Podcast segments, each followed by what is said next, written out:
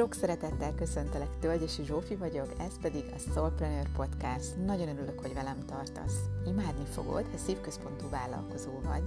tehát ha van egy terméked vagy szolgáltatásod, amiben hiszel, és szeretnéd, hogy minél több emberhez eljusson, de etikusan, szívből, kapcsolódva a lelkeddel. Soulpreneur vagy akkor is, ha egyszerűen vállalkozol arra az életedben, hogy kövesd a szíved, lelked útját. Mesélek neked önismeretről, szívközpontú vállalkozásépítésről, és segítek újra gondolni az elavult hitrendszereket szívből.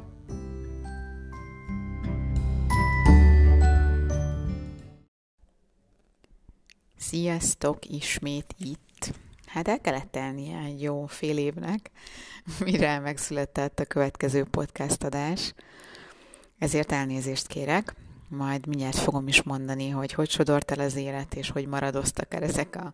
betervezett podcast adások, de ismét lendületben, úgyhogy fognak érkezni hozzátok körülbelül két hetente. Ugye a legutóbbi podcastot még Portugáliába vettem föl nektek, és ez az adás pedig a 2021-es évről fog szólni, hogy hogyan értékelem a 2021-es évemet. Ugye Meséltem már a vállalkozásomról 2020 előtti állapotáról, hogy mi történt 2020-ban, és most pedig, hogy mi történt 2021-ben, úgyhogy erről fogok nektek mesélni. Ne, de vágjunk is bele. Hát először is a legfontosabb dolog talán, ami történt tavaly, az egy egyfajta rebranding lett. Ugye annó a Facebook oldalon úgy indult, hogy szeretem a vállalkozásom, meg volt egy olyan Facebook csoportom, hogy vásd valóra az álmaidat, és tavaly megszületett a Soulpreneur kifejezés, pontosabban nem tavaly született meg, hanem sokkal előbb, és ugye ez lett ennek a podcastnak is a neve, illetve a Facebook oldalnak is. Ez lett az új neve, hogy Soulpreneur, ami tulajdonképpen annyit jelent, hogy minden olyan embert magába foglal számomra, aki vállalkozik arra, hogy kövesse a szívét, befelé figyeljen, és valóra váltsa az álmait. És természetesen ennek egy nagy része a munkámban, hogy vállalkozói álmokat váltunk valóra, de nagyon sokan ügyfelem is van, akinek egyszerűen az önismereti útjában bármi, amit szeretne megvalósítani igazából, abban szoktam nekik segíteni, hogy ez sikerüljön az önismeret segítségével. Úgyhogy megszületett a podcast, 11 adás született meg a tavalyi évben, illetve hogy át lett nevezve a Facebook oldal, illetve az Instagram is elindult, ami hát először egy ilyen hú, hát nehézséget jelentett, mert nem nagyon használtam az Instagramot. Magánemberként néha egy-egy képet feltöltöttem, de például nem sztoriztam, nem tudtam, hogy milyen üzleti funkciók vannak, úgyhogy ebben indult az év, hogy elkezdtem belásni magam Instagram kurzusokba, akkoriban kezdtem el dolgozni a My Content Bookkal, ami ugye a Socialite, a Berkes Bognár Nikinek egy csoda szép ilyen papíralapú marketing tervezője, és az ő tervezőjéhez jártak különböző tanfolyamok, egy ilyen hashtag könyv, vagy e-book, illetve egy Insta tanfolyam, hogy hogyan kell egy üzleti profilt létrehozni, úgyhogy tőle nagyon sokat tanultam, és akkor megszületett az Instagram, és hát azt kell, hogy mondjam, hogy abszolút kedvenc lett, tehát a, a Facebook azt most már inkább egy ilyen kötelező uh, dolognak érzem, már mint olyan szempontból, hogy fontos a hirdetések miatt, de igazából sokkal inkább otthonosabban érzem magam Instagramon sokkal könnyebben posztolok Insta ba mint mondjuk megírok egy hosszabb Facebook bejegyzést, úgyhogy nagyon-nagyon megszerettem, és még biztos vagyok benne, hogy rengeteget fogok tudni benne fejlődni. Körülbelül megduplázódott a követőim száma, most tartok egy olyan 850 követőnél, de ugye ez állandóan változik, tehát nem mondom, hogy óriási tempóval erre törekszem, hogy minél több, minél több követő legyen, hanem egyszerűen így próbálom tényleg organikusan építeni. Ugye akkor nem organikusan, amikor éppen feladok egy Facebook hirdetést, akkor általában hagyom, hogy az Instagramon is hirdessen, és ugye onnan jöhetnek esetleg új követők, de sosem volt cél egyébként, hogy, hogy több ezer, meg tízezer, meg nem tudom mennyi követő legyen. Ezt hamar felismertem, hogy nem ez a legfontosabb. Hozzáteszem, hogy azért én is bele tudok csúszni ebbe a kis social média problémába, ami biztos ismerős lesz, hogy ha kirakok mondjuk egy általam vélt tök jó posztot, ami szerintem mély, és tudom, hogy segít, és szuper, és akkor mondjuk kevesen lájkolják, vagy, vagy kevés emberhez jut el, akkor azért én is el tudok keseredni. De hát ezt meg kellett tanulnom, és ez volt talán az egyik legnagyobb tanulsága a 2021-es évnek, hogy a Facebook teljesen megváltozott, és az elmúlt időszakban hallgattam elég sok külföldi embert is, akik hasonló dolgokat csinálnak, mint én, csak a nemzetközi piacon, és ez volt az egyik legfontosabb info, ami átjött, hogy a Facebook hirdetések már nem úgy teljesítenek, vagy legalábbis nem ugyanúgy működnek, ahogy eddig működtek, és nem avval a büdzsével, illetve az elérések. Úgyhogy én azt gondolom, hogy vállalkozóként ez egy tök fontos dolog, hogy tudjunk változni, változtatni, és hozzászokni ahhoz, hogy igen, mindig lehet, hogy kellenek újabb dolgok,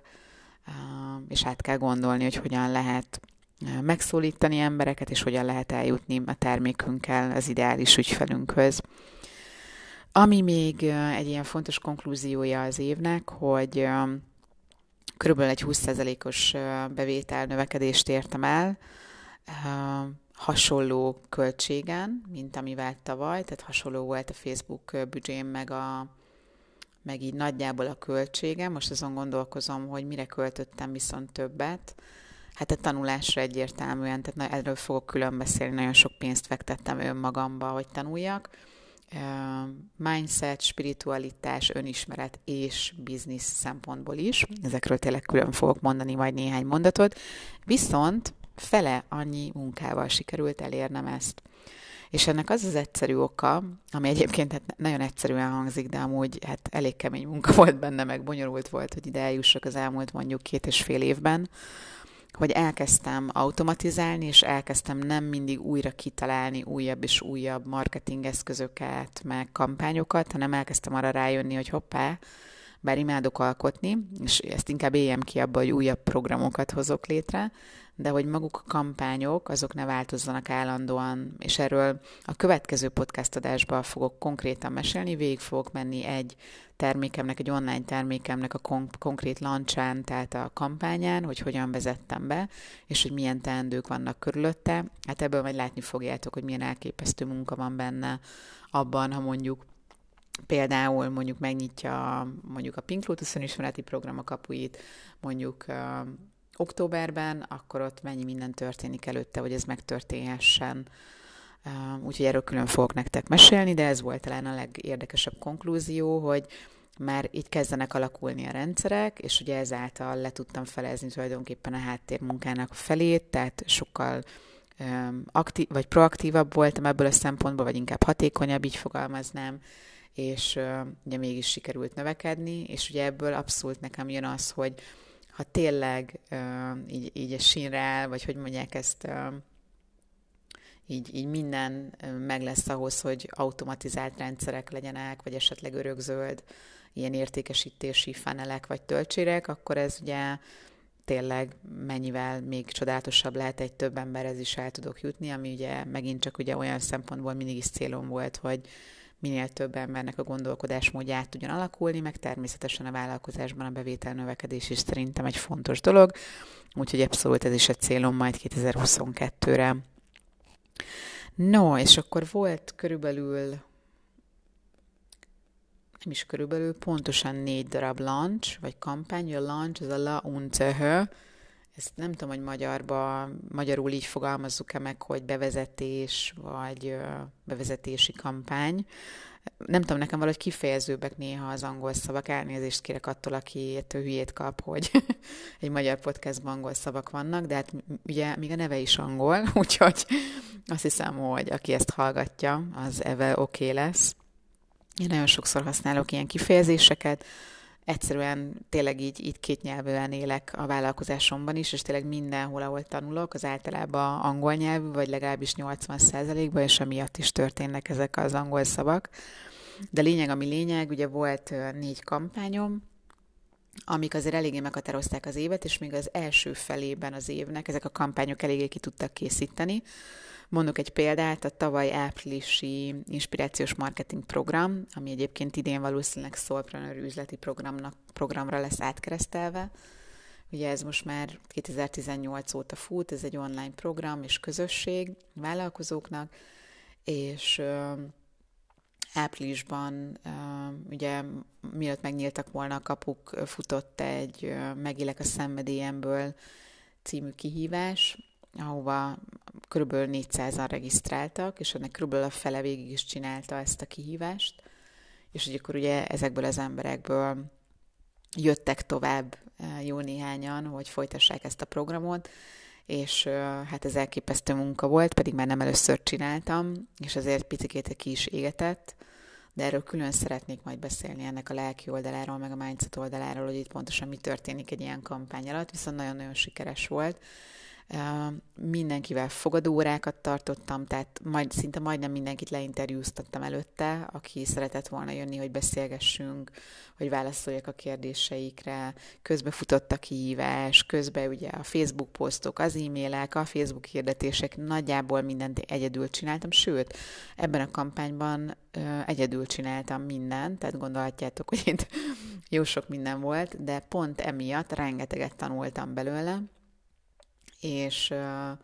és hát ugye pont ennek segítségével sikerült még jobban automatizálni, meg strukturálni a folyamatokat, hogy ez minél könnyedebben menjen. Hát ami meg a legnagyobb tanuló pénz, ez tényleg a, a görcsösségnek a, az elengedése, a csökkentése, hogy azt érzem, hogy bármikor újraindul most már egy program,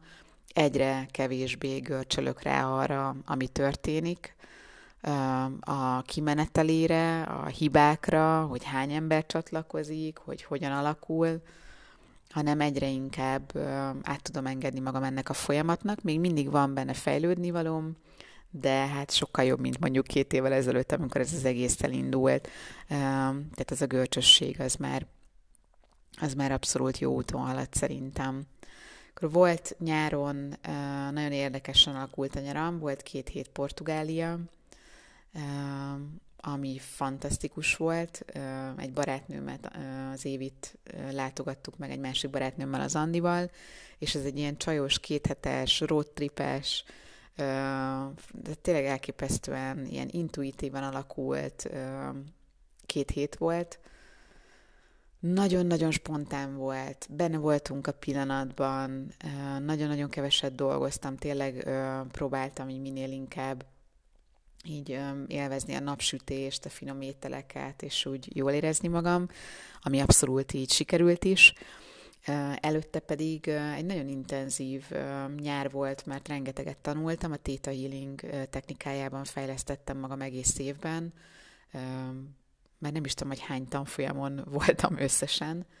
de szerintem egészen nyári kb. három tanfolyamon, mert nagyon sok tanfolyam, különböző ilyen két-három napos tanfolyamok vannak a Theta Healing-nek a módszertanába. Nyáron pedig végigcsináltam az Intuitív Anatómia című tanfolyamot, ahol pedig így a, különböző szervekben így a leginkább oda beragadt érzelmek és, és hitrendszerek és programokról volt szó, nagyon-nagyon izgalmas volt és érdekes, és a többek között ezeken a tanfolyamokon rengeteget dolgozunk magunkon, és ennek hatására azt éreztem, hogy, hogy kiegyensúlyozott vagyok, hogy így élvezni tudom még jobban az életemet, még elégedettebb vagyok, még együttérzőbb vagyok magammal, és ez abszolút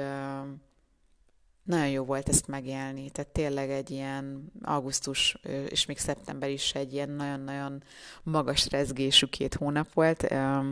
Jól éreztem magam, és, és nagyon jó dolgokat tudtam teremteni. És ugye ezeken kívül még évközben tényleg rengeteget tanultam, tehát elkezdett nagyon érdekelni az, hogy hogyan lehet ugye a rendszereket automatizálni, hogyan lehet örökzöld faneleket, tehát töltséreket kiépíteni. Rengeteget tanultam az e-mail marketingről, még a weboldalamról is nagyon sokat tanultam, egy új rendszert kezdtünk el használni, és tök jó kis ilyen landing oldalakat, tehát értékesítési oldalakat tudtam felépíteni, akkor létrejött ugye a Solpreneur Akadémia, ami tulajdonképpen egy ilyen online oktatási felület, ar, ott is nagyon sokat tanultam, e-mail küldőrendszerekről, meg, egy, meg összeállt a kép, hogy igazából ez hogyan is működik, hogy hogyan kell úgy felépíteni tulajdonképpen egy online vállalkozást, online tanfolyamokat, hogy azok hosszú távon gördülékenyen működőképesek legyenek, és hogy abba előbb-utóbb ugye be tudja kapcsolni majd olyan embereket, akik tudnak ebben nekem segíteni, tehát megbízni más vállalkozókat, akik ebben nem tudnak majd engem támogatni, hogy ez a vállalkozás ez még virágzóbb, és még tényleg csodálatosabb legyen, és tényleg minél több olyan emberhez eljusson, akinek ez a szívközpontú vállalkozás, meg az önismeret fontos. Na de aztán jött október, ami egy nagyon-nagyon nehéz hónap volt, szerintem így az évnek a legnehezebb hónapja, meg évek óta az egyik legnehezebb hónap volt. Az unokatestvérem, aki Amerikában élt, kórházba került, nagyon aggódtunk miatta, és hát sajnos elvesztettük őt a Covid javára. Úgyhogy ez egy nagyon-nagyon, még úgy is, hogy nem sokat beszéltünk, nem, nem, évek óta nem láttam, de ugye mindig ugye kapcsolatban voltunk azért, ugye Magyarország, a, a család Magyarországon élő oldala ugye miatt is, de nagyon megdöbbentő volt, és egyszerűen beütött, elkezdett beütni ez az egész pandémia történet, ugye, amikor már ugye az ember a saját bőrén tapasztalja, akkor ugye az teljesen más, mert a híreket még ugye könnyű kizárni, de amikor ez így belép a, hogy mondjam, a nagyszoba ajtón, akkor ez, az nagyon-nagyon nehéz tud lenni. És hát ugye ebben az ilyen érzelmi vívódásban én is beteg lettem, én is elkaptam ezt a betegséget, és a saját megdöbbenésemre ezt elképesztően rosszul viseltem lelkileg. Fizikai, fizikailag se voltam túl jól, de azért nem voltak nagyon erős tüneteim, szerencsére. Viszont két-három hétig eltartott, és, ez egy, és ugye ebben a gyászállapotában, meg ugye ebben a lelki ilyen kibillenésben ez egy ilyen nagyon-nagyon nehéz időszak volt. Viszont azt hiszem, hogy nagyon sokat tanultam ebből az egész történetből. Hát az egyik az, hogy sokkal jobban tisztelem a testemet, és elképesztően erős elhatározás van bennem, hogy nőként sokkal jobban fogom tisztelni a testemet, és megpróbálom sokkal kevésbé megítélni azt, hogy hány kiló, meg hogy néz ki, meg hasonlít-e a magazinban lévő nők testére, és a többi, és a többi. Ami egyébként nem megy mindig. Nekem ebben rengeteg dolgom van, ebben a nőiesség témával viszont maga a, a, a csodálat a testem iránt, hogy, hogy hogyan működik, hogy hogyan gyógyítja magát, illetve egyfajta egy kedvesség elfogadás az abszolút megerősödött bennem, és azt hiszem, hogy talán ez volt a legerősebb pozitív hozadéka ennek az egész történetnek, illetve a hitem erősödött. Én azt gondolom, hogy nem csak ugye maga a betegség miatt, hanem ugye a gyász miatt is, én szerintem hit nélkül nagyon-nagyon nehéz feldolgozni a gyászt, meg valakinek az elvesztését. Hogyha nem hihetek abban, hogy ez egy, ennek így kellett történnie, és ez így volt jó, még hogyha ugye én a, hogy mondjam, emberi felfogásommal ezt azt mondom, hogy ez igazságtalan, és miért történt, és miért így, és és a többi, a többi, hogyha tudok hinni, és ha tudok így picit a spiritualitásba is belenézni, akkor sokkal könnyebb feldolgoznom azt, bárki is fog elmenni az életemből, mert ugye ez az életnek a, a velejárója, és ugye bármennyire a, így a halált tartjuk a legszörnyűbb dolognak, meg nem akarjuk, hogy ott legyen az életünkben, igazából majdnem mindannyiunk életében ott van, és ott lesz és ebben valahogy jobban meg kell barátkoznunk, vagy legalábbis inkább magam nevére akarok, magam nevében akarok ö, beszélni. Én szeretnék jobban megbarátkozni a halállal, meg ebben egy picit többet foglalkozni. De nem gondoltam volna, hogy ebbe a podcast adásba ez lesz a téma, de, de ismertek, és biztos, hogy nem tudok csak egy ilyen üzleti, na akkor elemezzük ki a számokat című történetet 2022-ről, hanem szeretnék így a lelki oldaláról is beszélni a dolgoknak, mert összefüggenek ezek a dolgok, és ugye, mint tudjuk, maga az önismeret is a vállalkozásnak egy óriási része szerintem, és enélkül nem is lehet szerintem sikeres vállalkozást és örömteli vállalkozást hosszú távon fenntartani. No, hát mi akkor a, a legnagyobb tanulságok, amit szeretnék továbbra, továbbvinni 2023-ra? Először is továbbra is szeretnék magamba fektetni. Most mondanám azt, hogy sok pénz, de nem feltétlenül ezen múlik, hogy sok pénzt vagy nem, de azért azon is múlik. Tehát én azt gondolom, hogy ha jó emberektől szeretnék továbbra is tanulni, akik valóban jó tudást osztanak meg, és valamennyire személyes tudást is tudjak tőlük kapni, ahhoz önmagamba kell fektetnem, és Ha egyet tanácsoltok, akkor az egyik ez, ez lenne, hogy ne sajnáld a pénzt önmagadra és a vállalkozásodra. Nulla forintból nem lehet vállalkozást építeni. Pontosabban lehet, mert kevés pénzen indultam el én is az elején,